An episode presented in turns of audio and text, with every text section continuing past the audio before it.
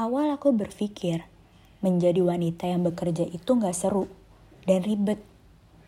Mending abis lulus ya nikah. Tetapi pemikiran itu berubah sejak aku melihat duniaku. Hello, lu yakin nikah tanpa kerja? Suami lu kerjaannya apa?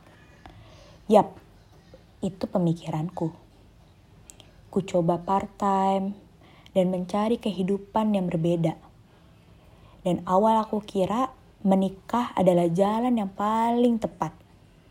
Ternyata ada jalan lain untuk yang menjadi lebih baik, yaitu menjadi wanita yang bekerja.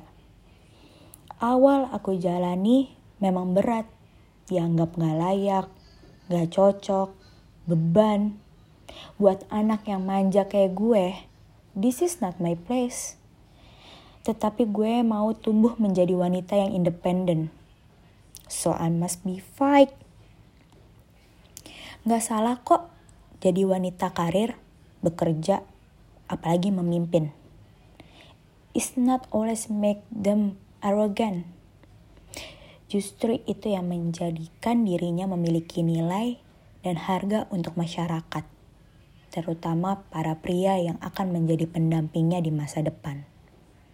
Dan untuk pria, yuk dukung wanitamu berkarya dengan mendukung itu sama dengan meningkatkan kualitas kalian sebagai pria.